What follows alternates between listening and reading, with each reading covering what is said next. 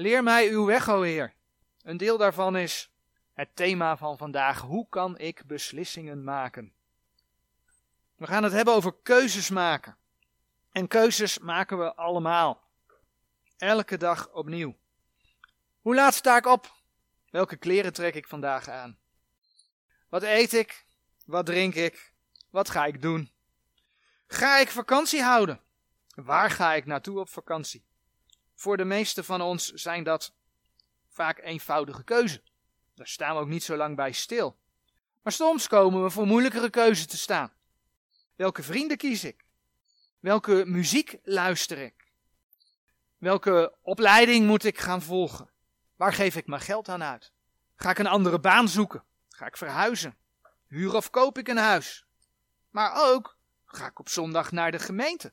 Lees ik mijn Bijbel? Bid ik? Of wanneer lees ik mijn Bijbel? Wanneer bid ik? Ga ik misschien ook vasten? En meer in de persoonlijke sfeer, ga ik trouwen of niet? En zo kun je even doorgaan. Met dingen waar je soms wat minder vaak, soms regelmatig en soms zelfs dagelijks keuzes moet maken. En ja, het zijn eigenlijk allemaal keuzes, een groot deel daarvan in elk geval, die je ook wel moet maken. En dan zijn er ook nog keuzes in ons leven waar soms ook emotie een rol kan spelen. Hoe gaan we daarmee om? En daar willen we vandaag bij stilstaan en dan willen we allereerst een gedeelte in Genesis 13 opzoeken. In Genesis 13, daar lezen we de geschiedenis over Abraham en Lot.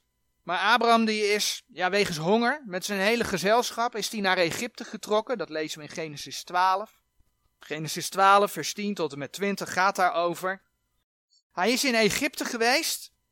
En nadat hij daar ook tegen Farao notabene gelogen had, is hij weer teruggekomen in het door de Heeren beloofde land. En dan lezen we in Genesis 13, vers 4. Tot de plaats des altaars dat hij in het eerste daar gemaakt had. En Abraham heeft aldaar de naam des Heren aangeroepen. Dus Abraham is weg geweest naar Egypte, gevlucht voor de honger, zeg maar. Hij heeft daar zelfs gelogen. Toch heeft de Heere voor hem gezorgd. Hij is weer teruggekomen, gaat terug naar dat altaar en heeft daar de naam des Heren aangeroepen. Dus Abraham begon eigenlijk opnieuw met de Heere, zeg maar. Ja, en dan ontstaat daar de situatie, je leest dat onder andere in Genesis 13 vers 2 en Genesis 13 vers 5, ja, dat zowel Abraham als Lot heel veel vee hebben. Ze hebben veel spullen. En dan blijkt dat ze niet samen ja, op een stuk land kunnen wonen. Er ontstaat strijd tussen de herders van Abraham en de herders van Lot. En laten we dan het volgende gedeelte van Genesis 13 samen lezen, vanaf vers 8. En Abraham zeide tot Lot, laat toch geen twisting zijn tussen mij en tussen u, en tussen mijn herders en tussen uw herders. Want wij zijn mannen, broeders. Is niet het ganse land voor uw aangezicht? Scheid u toch van mij? Zo gij de linkerhand kiest, zo zal ik ter rechterhand gaan, en zo gij de rechterhand, zo zal ik ter linkerhand gaan. En Lot hief zijn ogen op, en hij zag de ganse vlakte der Jordaan, dat zij die geheel bevochtigde, eer de Heere Sodom en Gomorra verdorven had. Was zij als de hof des Heren, als Egypteland, als gij komt tot Zoar. Zo koos Lot, voor zich de ganse vlakte der Jordaan. En Lot trok tegen het oosten, en zij werden gescheiden, de een van de ander. Abraham en Lot die gaan uit elkaar, dat lezen we. En Abraham brengt hier iets in de praktijk, wat we in Romeinen vinden, Romeinen 12 vers 10. De Romeinenbrief was er in die tijd natuurlijk niet. Maar Abraham laat dit wel zien. Hebt elkander hartelijk lief met broederlijke liefde, met eer de een de ander voorgaande. Hij achtte Lot uitnemender dan zichzelf en liet Lot als eerste kiezen. In Filippenzen 2 vers 3 kun je dat ook lezen. Maar wat gebeurt er dan? Wat kiest Lot? In Genesis 13 vers 10, daar hebben we gelezen. Lot hief zijn ogen op en hij zag de ganse vlakte der Jordaan. Dat zij die geheel bevochtigde. Eer de Heere Sodom en Gomorra verdorven had, was zij als de hof des Heren, als Egypteland als gij komt tot Zoar. Lot zag. Lot zag met zijn ogen. En Lot was verkocht. Hij dacht er verder niet over na. Je leest ook niet dat hij de Heere om raad ging vragen. Maar Lot koos wat ja, hem zo mooi in zijn ogen was. En het staat niet geschreven, maar misschien speelde ook het financiële plaatje wel door zijn hoofd. Want als hij zo'n goed land zou hebben, dan zou zijn kudde ook groot worden. Zou hij rijk worden, misschien wel net als Abraham, misschien wel rijker dan Abraham. Daar waar Abraham eerst aan de ander dacht, dan zien we dat Lot eerst aan zichzelf dacht.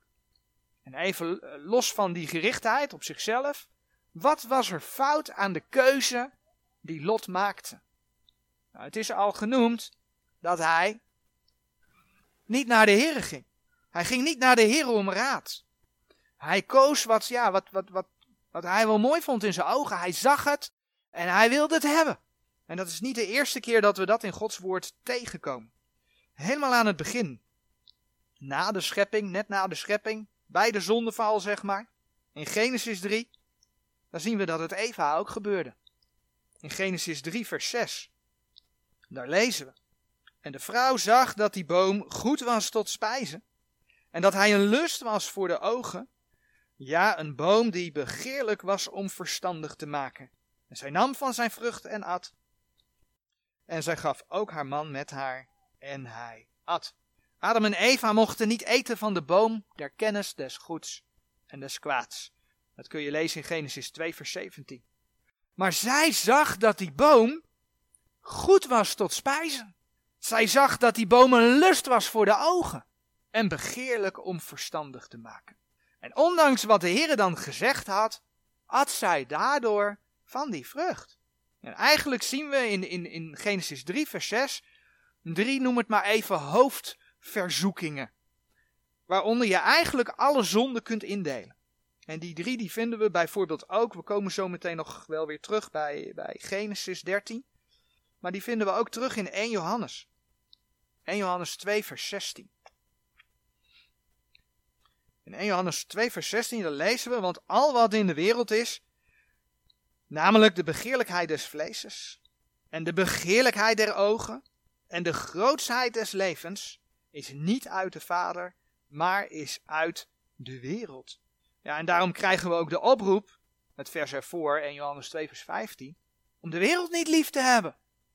De Heere wil dat je als kind van Hem niet wereldgelijkvormig wordt. Dat kun je ook lezen in Romeinen 12 vers 2 bijvoorbeeld. Nou, een deel van de zonde, die valt onder de begeerlijkheid des vleeses, wat er vaak om draait dat je, dat je neemt wat je hebben wilt. En als je niet oppast, gaat dat ten koste van alles. Een ander deel van de zonde valt onder de grootsheid des levens. Kun je denken aan trots, kun je denken aan hoogmoed.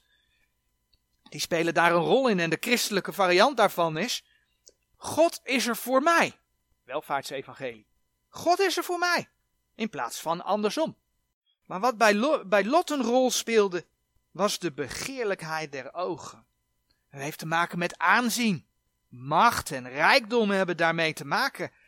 En ja, als je aan onze huidige tijd denkt, dan kun je denken aan reclames hè, die visueel inspelen tot het aanzetten ja, van het willen hebben van dingen die eigenlijk niet nodig zijn. En van Lot hebben we gelezen dat hij zag en hij koos. En nagedacht over de consequenties van zijn keuze had hij niet. Maar dat kwam hem duur te staan. Want ja, het, het, het begon met ruzie tussen de herders. Daarna een verkeerde keuze. Waarbij hij niet alleen koos voor de vlakte van de Jordaan, maar ook voor Sodom. Ik bedoel, kijk maar wat we in Genesis 13, vers 12 gelezen hebben. Sorry, dat hebben we nog niet gelezen, dat ga ik nu aanvullend lezen. Abraham dan woonde in het land Canaan en Lot woonde in de steden der vlakte en sloeg tenten tot aan Sodom toe. Dus Lot ging tot aan Sodom wonen. Dat lezen we hier. Nou, de Bijbel is duidelijk over de zonde van Sodom en Gomorra en we kennen het natuurlijk van de zonde van de sodomie. Maar Ezekiel 16 laat dan zien wat daar nog meer achter zat. Ezekiel 16, vers 49 en vers 50.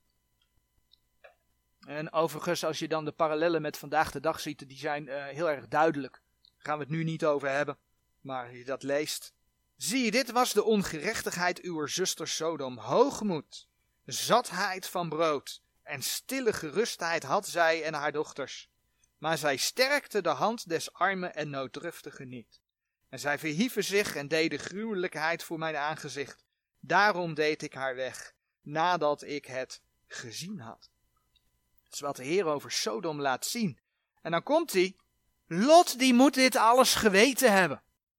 Want, als je in 2 Petrus 2 vers 8 kijkt, laten we het vers toch maar even lezen. Dan, uh, dan zie je dat God laat zien dat Lot wel een rechtvaardig man was. Ondanks alle keuzes die hij maakte. 2 Petrus 2 vers 8. In uh, vers, uh, laat ik vers 7 er even bijlezen. En de rechtvaardige Lot, die vermoeid was van de ontuchtige wandel der gruwelijke mensen, daaruit verlost heeft. Want deze rechtvaardige man, wonende onder hen, heeft dag op dag zijn rechtvaardige ziel gekweld door het zien en horen van hun ongerechtige werk. Lot die kwelde zijn ziel dag op dag, staat daar. En toch kun je dan in Genesis 14, vers 12 lezen dat hij de volgende stap neerwaarts heeft gemaakt, want hij bleef niet tot aan Sodom. Nee, hij ging in Sodom wonen. Dat staat in Genesis 14, vers 12. En als je verder bladert, in Genesis 19, vers 1, lees je dat Lot in de poort zat. En wat betekent dat, dat Lot in de poort zat? Daar werd vroeger het, het gericht gehouden. Dus Lot werd een man van aanzien in Sodom. Hij werd een belangrijk man. Hij mocht mee recht spreken in de stad. Genesis 19, vers 1. Maar ja, als je dan wel een rechtvaardig man bent, zoals 2 Petrus 2 laat zien, dan moet je wel heel veel compromissen sluiten om daar te komen. Anders kom je daar niet, op zo'n positie. Ja, en dat Lot daartoe bereid is, dat lees je wel. Genesis 19, vers 8 en vers 9. En zo ging het dus steeds een stapje verder neerwaarts met hem. Als je als wederom geborene niet wandelt met de Heer, dan kan je hetzelfde gebeuren. Hetzelfde gebeuren als Lot. Ik bedoel, de Heer waarschuwt niet voor niets tegen wereldgelijkvormigheid. Dat betekent dus dat, uh, dat je als gelovige de wereld weer in kunt gaan. Dat je daar ook gewoon weer aan mee kunt doen. En bij Lot begon dat, ja, door zich niet op de Heer te richten. Door bij het maken van zijn keuze niet de Heer te betrekken. Door gewoon af te gaan op wat hij zag. En te denken dat dat wel goed zou zijn. Maar dan komt de vraag, hoe zit dat met ons? Hoe kun je de juiste keuzes maken om op de weg van de Heer te blijven? Dat is eigenlijk de vraag. Laten we naar Spreuken 3 uh, eh, bladeren. We gaan een aantal teksten opzoeken waarin de Heer ons daarover iets laat zien. En we beginnen bij Spreuken 3, vers 5 en 6. Het is gewoon van belang om, om, om vragen die je hebt, om het bij de Heer neer te leggen. En de Heer te vertrouwen. Om Hem in alles te zoeken. Spreuken 3, vers 5. Dat zegt: Vertrouw op de Heere met uw ganse hart en steun op uw verstand niet. Ken hem in al uw wegen en hij zal uw paden recht maken. Nou, het hart, dat is de plek waar mensen keuzes maken. Het hart is ook de plek, kom je in de brief aan de gemeente tegen, waar de Heilige Geest in is gekomen bij de wedergeboorte. Maar ja, Jeremia 17 vers 9 daar lees je dat het hart van nature arglistig is. Dus als je niet continu richt op de Heer, als je niet vervuld bent met zijn geest, dan kun je dus wel degelijk andere keuzes maken. Dan vertrouw je niet, wat Spreuken 3 vers 5 zegt, met je ganse hart op de Heer. De Heer laat zien dat je eigen verstand niet een goed vertrekpunt is. Hè? Dat, dat lezen we in, uh, in dat vers, hè, Spreuken 3, vers 5. En steunen op uw verstand niet. Je eigen verstand is niet een goed vertrekpunt. Je eigen hart, wat van nature arglistig is, is dus ook niet een goed vertrekpunt. Je gevoel ook niet. Want ja, je kunt je de ene dag heel goed voelen, de andere dag helemaal niet. Maar als je een kind van God bent, ben je een kind van God. Sterker nog, je kunt je heel goed voelen, terwijl de Heer nee zegt, en je kunt je helemaal niet zo goed voelen, terwijl de Heer eigenlijk ja zegt. Dat is ons gevoel. Dat, dat kan je bedriegen. En ja, dat, dat is zeker het geval als je hart niet volledig op de Heer gericht is.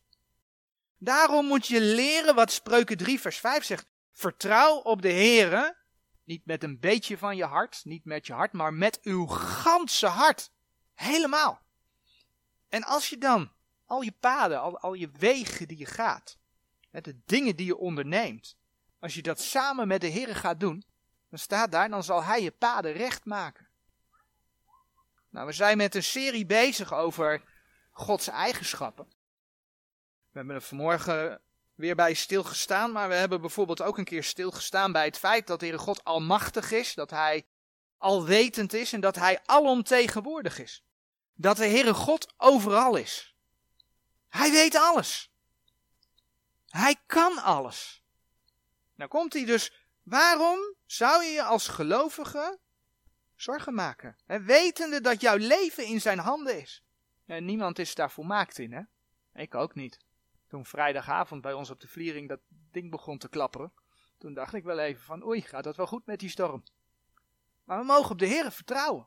Dus het is heel makkelijk zeggen op het moment dat alles goed gaat. Besef ik heel goed. Maar de Heere zegt, vertrouw op de Heere met uw ganse hart. Het tweede punt, dat speelt niet bij alle beslissingen die er gemaakt moeten worden. Maar er zijn beslissingen waar emoties een rol in spelen. Dat gebeurt wel degelijk. En die emoties, die kunnen je gaan beheersen. Je bent er eigenlijk de hele tijd mee bezig. En dan ga je Bijbel lezen maar je bent eigenlijk met die andere dingen bezig. Je gaat bidden, je bent eigenlijk met die andere dingen bezig. Heel goed, dan kun je het bij de Heeren neerleggen. Maar dan heb je het bij de Heeren neergelegd en dan ga je weer verder met zorgen maken. Zo kunnen emoties je in beslag nemen. En het is niet goed om in zo'n emotionele situatie, we hebben het over beslissingen maken, om dan beslissingen te nemen. Een mooi vers daarbij vinden we in Psalm 46. In Psalm 46, vers 11. Psalm 46, vers 11. Daar lezen we: Laat af en weet dat ik God ben. Ik zal verhoogd worden onder de heidenen, ik zal verhoogd worden op de aarde. Laat af en weet dat ik God ben. Ja, deze psalm, als je hem helemaal gaat doorlezen, dan zie je dat hij leerstellig over Israël gaat. Israël in de grote verdrukking. Dat zij dan bij de Heer mogen gaan schuilen. Maar als kind van God ben je nu al van Hem. Als kind van God mag je weten, daar hebben we het net over gehad, dat de Heer alle dingen in zijn handen heeft. Dus hoeveel te meer geldt vandaag de dag ook voor ons. Laat af en weet dat ik God ben. Laat af, probeer in de rust te komen. Probeer te zien dat de Heere God inderdaad van alles op de hoogte is. Nog niet zo lang geleden hebben we bij de geschiedenis van koningin Esther stilgestaan. En uh, daarin hebben we over Haman gezien hoe die de Joden wilde uitroeien. En toen Haman dat plan gemaakt had, dan, uh, dan lees je dat, dat Esther, dat hij niet direct naar de koning ging om de koning haar zorgen te, uh, voor te leggen. We hebben toen gelezen dat er grote rouw onder de Joden was. Dus daar kwam veel emotie bij kijken. Logisch ook. Maar Esther ging dus niet direct naar de koning. Je leest dat allemaal in Esther 4, Esther 4 vers 3, Esther 4 vers 8. En Esther wist, als ze naar die koning zou gaan, kon dat ook haar dood worden. En wat hebben we toen gezien? Daarom ging men eerst drie dagen en drie nachten vasten. Esther 4 vers 11, Esther 4 vers 16. Drie dagen en drie nachten de Heere zoeken. Stel, je gaat in een emotionele situatie vasten. Dan bid je niet direct voor een oplossing, maar eerst voor je eigen rust. Misschien wel om je relatie met de Heer te herstellen. En om te kunnen zeggen, spreuken 3 vers 5, ik vertrouw op de Heere met mijn ganse hart. Ondanks alle dingen die er gebeuren, God weet alle dingen. Zodat je daadwerkelijk kunt aflaten. Nee, niet die dingen die ze in de middeleeuwen aan mensen verkochten. Aflaten. Loslaten. Rustig of stil worden voor de Heer. Nou ja, als emoties spelen, nou moet je oppassen dat, uh, dat Bijbellezen, en ik denk met name Bijbellezen, maar Bijbellezen en gebed, dat het er niet bij in gaat schieten. Dat je niet denkt van, nou, ik voel me nou zo onrustig, dat komt straks wel hoor. Kan ik nu niet lezen, want ik heb mijn gedachten er niet bij. Want juist dan heb je het nodig. Juist dan heb je het nodig om de Heer te zoeken, om in die rust te komen. Want je hebt die rust nodig om zijn raad te vinden. En bedenk daarbij wat Filippenzen 4, vers 6 en 7 zegt. Filippenzen 4, vers 6 en 7. Wees in geen ding bezorgd, maar laat uw begeerte in alles door bidden en smeken met dankzegging bekend worden bij God. En de vrede Gods, die alle verstand te boven gaat, zal uw harten en uw zinnen bewaren in Christus Jezus. Dat is een belofte. Maar als je dan je antwoorden bij de Here gaat zoeken, dan betekent het dus dat je ze gaat zoeken in Gods woord. We zagen al even dat bijvoorbeeld alle zonden in Gods woord beschreven staan. Dat waren de drie hoofdzonden, maar je kunt alle zonden daaronder plaatsen. En ook de oplossing daarvoor. Ja, zo is het ook met alle levensvragen. Oh ja, alle vragen dan. Ik bedoel, in sommige kringen bidden ze ook voor de kleur voor de auto. Ja, nou laten we die als uitgangspunt nemen. Als je een hele dure auto gaat kopen, nou dan moet je wel een mooie kleur bij hebben en je weet die kleur niet. Nou, ook dan kun je in de Bijbel op zoek gaan. Dat kan. Ja, over die kleur zul je in de Bijbel niet veel vinden. Maar wat je wel in de Bijbel vindt, en daar moet je ook eerst in de rust zijn, want ja, een antwoord van de Heer God hoeft niet altijd in jouw straatje te passen. Wat je wel in de Bijbel kunt vinden, is wat de Heer over rijkdom zegt. We gaan de teksten nu niet opzoeken. Maar 1 Timotheus 6 vers 9 en 10 en vers 17 tot en met 19 zijn best duidelijk. Je kunt, uh, je kunt zien wat de Heer over begeerte zegt. Het is echt niet de enige tekst natuurlijk, hè, maar in de context van de rijkdom. 1 Timotheus 6 vers 9. Je kunt uh, zien wat de Heer zegt over het genoegen nemen met voedsel en deksel. 1 Timotheus 6 vers 8. En wat de Heer zegt over uitdelen. 1 Timotheus 6 vers 18. Nou, ik zal meteen de vraag beantwoorden. Wil dat zeggen dat je dan nooit een auto mag kopen dan, als je tevreden moet zijn met voedsel en deksel? Nee, natuurlijk niet. Maar de vraag is, waar ligt jouw prioriteit? Staat de Heer op de eerste plaats? Als de Heer op de eerste plaats staat, dan maakt het toch niet uit of je in een rode, grijze of een blauwe auto rondrijdt. En zo kan Gods woord je dus zelfs bij een dergelijke keuze helpen. Helpen om er bijvoorbeeld eerst voor de gemeente of een zendeling te zijn, zodat Gods woord zijn loop hebben. Krijgt de auto ook al een hele andere plaats. Laten we naar 2 Petrus 1 vers 19 gaan. 2 Petrus 1 vers 19, vers wat ik niet voor de eerste keer voorlees, maar het is een mooi vers. Daar staat en wij hebben het profetische woord dat zeer vast is. En gij doet wel dat gij daarop acht hebt, als op een licht schijnende in een duistere plaats. Totdat de dag aanlichte en de morgenster opga in uw harten. Dat woord van God is een licht schijnende in een duistere plaats. Nou, in deze wereld is het duister om ons heen. Zelfs als de zon schijnt. Geestelijk is het gewoon complete duisternis. Daarom heb je dat woord van God nodig. Je hebt zijn licht nodig om je te helpen keuzes te maken. In Psalm 119, vers 130, daar staat: De opening uw woorden geeft licht, de slechte verstandig maken. De opening uw woorden geeft licht, de slechte verstandig maken. Nou, als je zo de wijsheid van de Heer zoekt in zijn woord, dan ga je ook, en dat gaan we zo meteen zien, de vrezen des Heren begrijpen. En vrees, heb ik wel eerder bij stilstaan, is een vorm van bang zijn. Nou, onlangs zei iemand tegen mij, maar wij hoeven toch helemaal niet meer bang te zijn voor God, want wij kennen de Heer Jezus toch? Ja, dat klopt. Maar menig een denkt tegenwoordig dat hij of zij op een dansfeest met Jezus uit zijn dak kan gaan. Maar onze God is een heilig God. En het is niet voor niets, 1 Petrus 4 vers 17, eh, dat het volgende bijvoorbeeld geschreven staat. 1 Petrus 4 vers 17. Want het is de tijd dat het oordeel begint van het huis Gods. En indien het eerst van ons begint, welk zal het einde zijn dergenen die het evangelie Gods ongehoorzaam zijn? Nee, als gemeentelid kom je niet voor de grote witte troon van het laatste oordeel. Maar je komt wel voor de rechterstoel van Christus. En daar zijn mensen die schade gaan lijden omdat ze niet geleefd hebben tot eer van de, Heer, van de.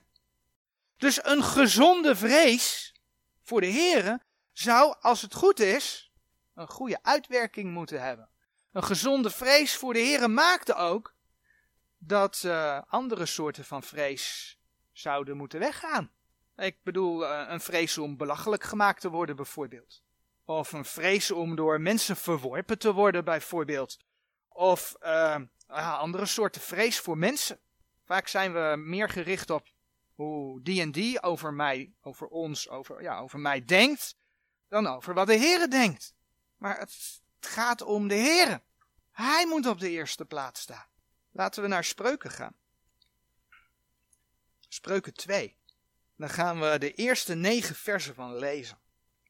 En dan gaan een hoop dingen samenkomen. Mijn zoon, zo gij mijn redenen aanneemt en mijn geboden bij u weglegt, om uw oren naar wijsheid te doen opmerken, zo gij uw hart tot verstandigheid neigt. Ja, zo gij tot het verstand roept en uw stem verheft tot de verstandigheid. Zo gij haar zoekt als zilver en naspeurt als verborgen schatten, dan zult gij de vrezen des Heren verstaan. Zie je dat wat daar staat? Er staat niet, dan zult gij de vrede des Heren verstaan. Dan zult gij de vrezen des Heren verstaan. En zult de kennis Gods vinden. Want de Heere geeft wijsheid. Uit zijn mond komt kennis en verstand. Hij legt weg voor de oprechte een bestendig wezen. Hij is een schild degene die oprechtelijk wandelen. Opdat zij de paden des rechts houden. En hij zal de weg zijner gunstgenoten bewaren. Dan zult gij verstaan gerechtigheid en recht en billijkheden en alle goed pad. Mooi gedeelte. Het verlangen naar Gods woorden leert de vrezen des Heren te verstaan. En dan staat daar dus eigenlijk dat de Heere je zijn wijsheid gaat geven, zijn kennis. En dan verwijs ik al even naar Spreuken 2 vers 11. Zijn bedachtzaamheid en zijn verstand, dat heb je wel nodig om keuzes te maken. En dan staat er ook nog dat hij je leidt op alle goed pad. Het beschermt je tegen de kwade weg, spreuken 2 vers 12. Maar ook tegen de vreemde vrouw, spreuken 2 vers 16, dus tegen hoererij. Je kunt bij de heren schuilen, bladeren we door naar spreuken 14. Spreuken 14 vers 26. In de vrezen des heren Spreuken 3 vers 5 eh, lazen we vertrouwd op de Heer met uw ganse hart. Hier staat, Spreuken 14 vers 26, in de vrezen des Heren is een sterk vertrouwen. En hij zal zijn kinderen een toevlucht wijzen. En ja, dan maakt die vrezen des Heren jezelfs gelukkig. Ja, de staat de Bijbel zegt gezegend, wel gelukzalig. Kijk maar in Spreuken 16 vers 20. Wie op het woord verstandiglijk let, zal het goede vinden. En die op de Heere vertrouwt, die is wel gelukzalig. Dus vertrouw op de Heere met uw ganse hart. Laat los, vertrouw op de Heere. Hij heeft alles in zijn handen. En ga dan in alle rust Gods woord lezen. Nou, het volgende punt dat daar belangrijk in, in is, is dat we biddend een beslissing maken. En daarvoor bladeren we naar Psalm 27. biddend een beslissing maken. In Psalm 27, vers 7 en 8. Daar lezen we het volgende.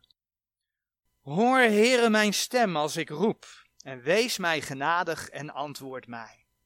Mijn hart zegt tot u, gij zegt, zoekt mijn aangezicht. Ik zoek uw aangezicht, o Heere. Het is een opdracht van de Heere, dat lezen we in deze verse, om zijn aangezicht te zoeken. En David zegt hier dus, ik zoek uw aangezicht, Heere. Nou, ik denk dat we de geschiedenis van Daniel wel kennen. Daniel die op een gegeven moment in de leeuwenkuil komt. Wat hadden, wat hadden mannen gedaan die tegen hem waren? Die hadden een plan bedacht. Dat in dertig dagen lang er geen verzoek gericht mocht worden aan, aan, aan, aan een mens of, of een god. Dan alleen aan de koning. En daar lieten ze een wet van maken. En dat ging in. En wat deed Daniel? Die ging naar zijn huis, groef een schuilkelder. En ging daarin zitten. tanden misschien bidden. Nee, dat deed hij niet. Daniel 6, vers 11. Hij ging bij het open venster zitten bidden. Dus voor ons ook best mooi om te lezen, ook in deze tijd. Want uh, het lijkt allemaal een beetje rustig te worden, maar als je de plannen van Europa hoort, dan weet je gewoon dat, ah, dat de trein uh, hard doordendert, om het maar zo te zeggen. Het is helemaal niet rustig. En ja, we weten niet hoe lang het nog duurt voordat de Heer ons komt halen. Dus het kan maar zo zijn dat wij nog wat dingen mee gaan maken.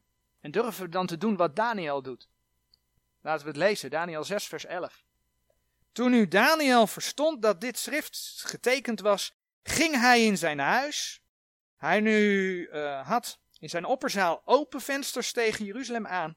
En hij knielde drie tijden des daags op zijn knieën. En hij bad en deed beleidenis voor zijn God. Ganselijk gelijk hij voor deze gedaan had. Dat was Daniel. Het voorbeeld. Er was een nood. En Daniel ging bidden tot God. Dus ja, Heb je een nood of wil je een andere beslissing nemen? Betrek de Heer erin en leg het voor hem neer. Ja, en dan, nou leven wij hè, in een tijd dat we gewend zijn om direct antwoord te krijgen. Ik denk alleen al een voorbeeldje aan de online bestellingen. Als we het vanmiddag bestellen, dan willen we het morgen in huis hebben. Wat zeg ik? Het liefst vanavond nog. Ja, dat is onze tijd. Dan kan je wel vertellen, zo werkt het met gebed niet. Echt niet. Als we teruggaan naar Psalm 27, dan lezen we iets moois in Psalm 27, vers 14. Dat past niet bij onze tijd, maar is wel wat de Heer vraagt. In Psalm 27, vers 14 staat: Wacht op de Heer, zijt sterk, en hij zal uw hart versterken. Ja, wacht op de Heer. Mooi, er zit ook een belofte aan vast. Als je op de Heer wacht, zal hij je hart versterken. Maar het is dus goed om op de Heer te wachten. Als je de Heer vreest, als je de Heer vertrouwt, zijn wijsheid in zijn woord zoekt. En dan komt hij, heb ik wel eens eerder genoemd trouwens, en dan zelf een stap terug doet. En zegt, Heer, het is in uw handen. U weet alle dingen. U bent bij machten om dingen te doen, dingen te leiden. Dan zal hij je leiden op alle goed pad. En dat, dat antwoord, hè, dat komt niet op een. Het zou soms, soms heel makkelijk zijn. Dat je denkt van, oeh, ik heb antwoord nodig. En dat dat zo op een briefje uit de hemel naar beneden komt warrelen. Maar dat gebeurt niet. Het wordt ook niet in de wolken geschreven. Het komt ook niet in een droom. En soms bid je een paar weken, soms een paar maanden. Ja, en soms gebeurt het dat je de Heer jaren voor iets bidt. Jaren een situatie voorlegt. Want wat ik in deze studie niet heb zitten is dat je de Heer iets kunt bidden, dat jouw wensen, en dat je eigenlijk verwacht dat de Heer dat gewoon bevestigt. En daar gaan we het nu niet over hebben. Het is geen automatisme dat het antwoord is wat jij verwacht. Maar je kunt de Heer om leiding vragen. Dat Hij situaties zo gaat leiden dat Hij uitkomst gaat geven. Dat Hij duidelijkheid gaat geven welke richting je op moet. En doet de Heer echt. Als je bidt en wacht, doet de Heer echt. Een voorbeeld. Een voorbeeld, een, eigenlijk een heel eenvoudig voorbeeld. Uh, voor onze dochter hebben we een schoolkeuze moeten maken. En wij denken aan een bepaalde school. Die, ja, naar onze mening, qua uh, onderwijssysteem, zeg maar, uh, hoe, hoe het aangeboden wordt, dat dat eigenlijk het beste voor haar is. Maar die school die laat maar een beperkt aantal leerlingen toe. Dus daar wordt gewerkt met loting. En ja, we hebben een tweede school in gedachten. En ja, als we het geestelijk gezien over scholen gaan hebben in deze maatschappij, dan zien wij in ieder geval het verschil niet. Maar dan komt hij. De Heere weet meer hoe het eraan toe gaat. Wij kunnen het wel een school denken, hè, qua onderwijssysteem, nou, zal wel het beste passen. Maar de Heere weet hoe het eraan toe gaat. De Heere weet wie er les geeft en, en, en hoe dat gebracht wordt. Dus we hebben het de Heere voorgelegd. En ja, we hebben het bij de school waarvan wij denken dat dat het beste is, hebben we erin geschreven.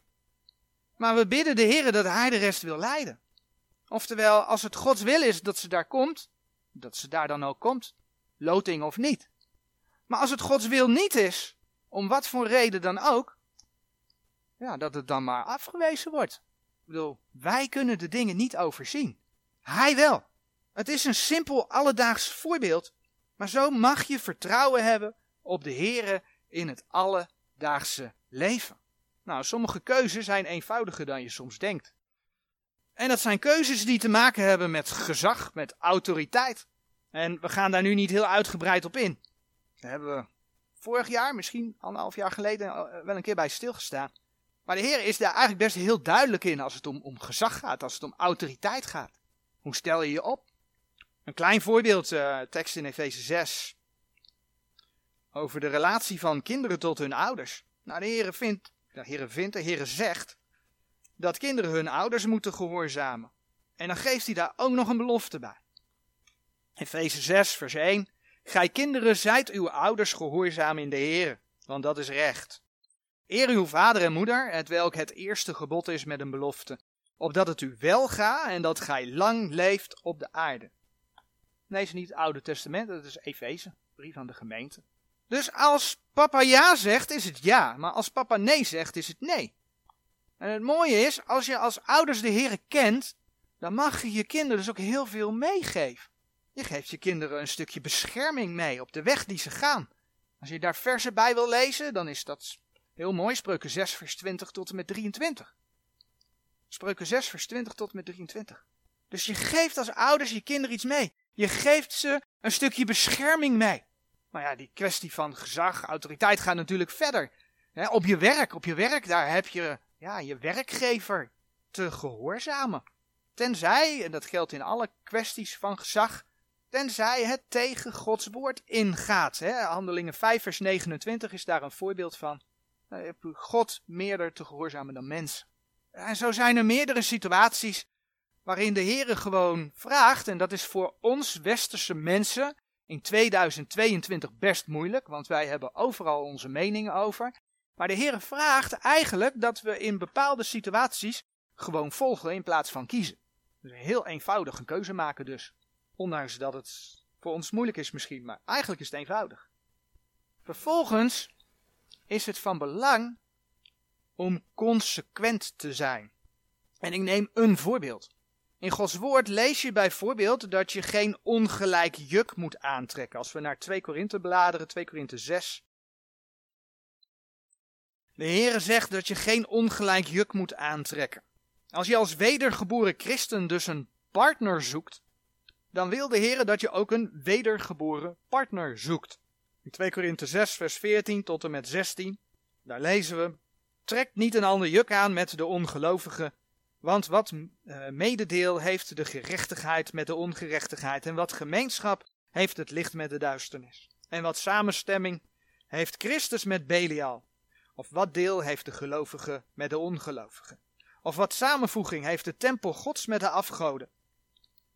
Want gij zijt de tempel des levende Gods, gelijkerwijs God gezegd heeft: Ik zal in hen wonen, en ik zal onder hen wandelen, en ik zal hun God zijn, en zij zullen mij een volk zijn. Je lichaam is een tempel van de Heilige Geest.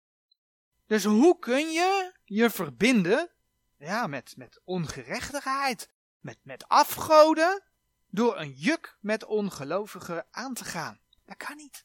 Tenminste, fysiek kan dat wel. Maar geestelijk gezien, als je de Here wil volgen, kan dat niet. Dus als je je, het je voorneemt om uit te kijken naar een partner, houd dan in gedachten, als je iemand tegenkomt, houd die waarschuwing in gedachten. Blijf bij het goede pad dat de Heer gewezen hebt. Als je het weet, dan kun je daarna handelen. Want ja, het dagelijks leven is natuurlijk een klein beetje anders. Je komt op school of je komt op het werk en daar kom je iemand tegen. En dan begint de verleiding. En we hebben bij Lot gelezen hoe dat via de ogen ging. En je ogen zien wel eens wat. En Lot nam dus een foute beslissing door te kijken. En kwam van de ene narigheid in de andere. Dus blijf bij het goede pad. En voordat je je erin laat gaan, moet je eigenlijk meteen al denken: is die persoon wederom geboren? Ja of nee? Nee, dan is het niks voor mij. Spreuken 4. Dit is een voorbeeld, hè? Maar dit, dit, kan voor, dit, dit geldt voor heel veel dingen. Consequent zijn. Nou, spreuken 4, vers 25 tot en met 27, die laten dat ook zien. Spreuken 4, vers 25. Laat uw ogen recht uitzien en uw oogleden zich recht voor u heen houden. Weeg de gang uws voets en laat al uw wegen wel gevestigd zijn. Wijk niet ter rechter of ter linker, linkerhand. Wend uw voet af van het kwade. Om nog even op dat voorbeeld te, te blijven. Maar je wilt graag een partner. Nou, als je dan aan dat rijtje denkt, je hebt Gods woord geraadpleegd. Ik bedoel, je kent die versen. Je bidt ervoor en je wacht op wat de Heere gaat doen. En daar ben je consequent in. Wacht erop hoe hij de dingen gaat leiden. Dat is de juiste weg. En dan wil ik graag afsluiten met Spreuken 24 vers 6.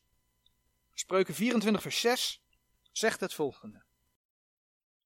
Want door wijze raadslagen zult gij voor u de krijg voeren en in de veelheid der raadgevers is de overwinning. Maar ik dacht dat we alleen op de Heer moesten vertrouwen. Dat hadden we toch gelezen, spreuken 3, eh, vers 5 en 6. Hoe zit dat dan? Ja, dat klopt, we moeten alleen op de Heer vertrouwen. Maar in de Heer, als je om zijn leiding vraagt, is het zeker aan te bevelen om ook raad te zoeken. Ik bedoel, de Heere zegt het niet voor niks, hè? Uh, Spreuken 24, vers 6. Want door wijze raadslagen zult gij voor u de krijg voeren en in de veelheid der raadgevers is de overwinning. Dus het is goed om raad te vragen. Als je getrouwd bent, kun je dat bij je partner doen. Kun je om raad vragen, kun je samen over Gods woord ook hebben. Als kinderen kun je bij je ouders terecht. Als je ouders de Heer kennen, kun je ze om raad vragen. En misschien kunnen zij je helpen vanuit Gods woorden. Soms kan het goed zijn om met iemand anders te spreken. Maar let dan wel op wie je om raad vraagt. Want ja, veelheid om raadgevers, nou, spreek de eerste de beste op straat maar aan. Nee, dat is niet de weg. Dat is niet de weg.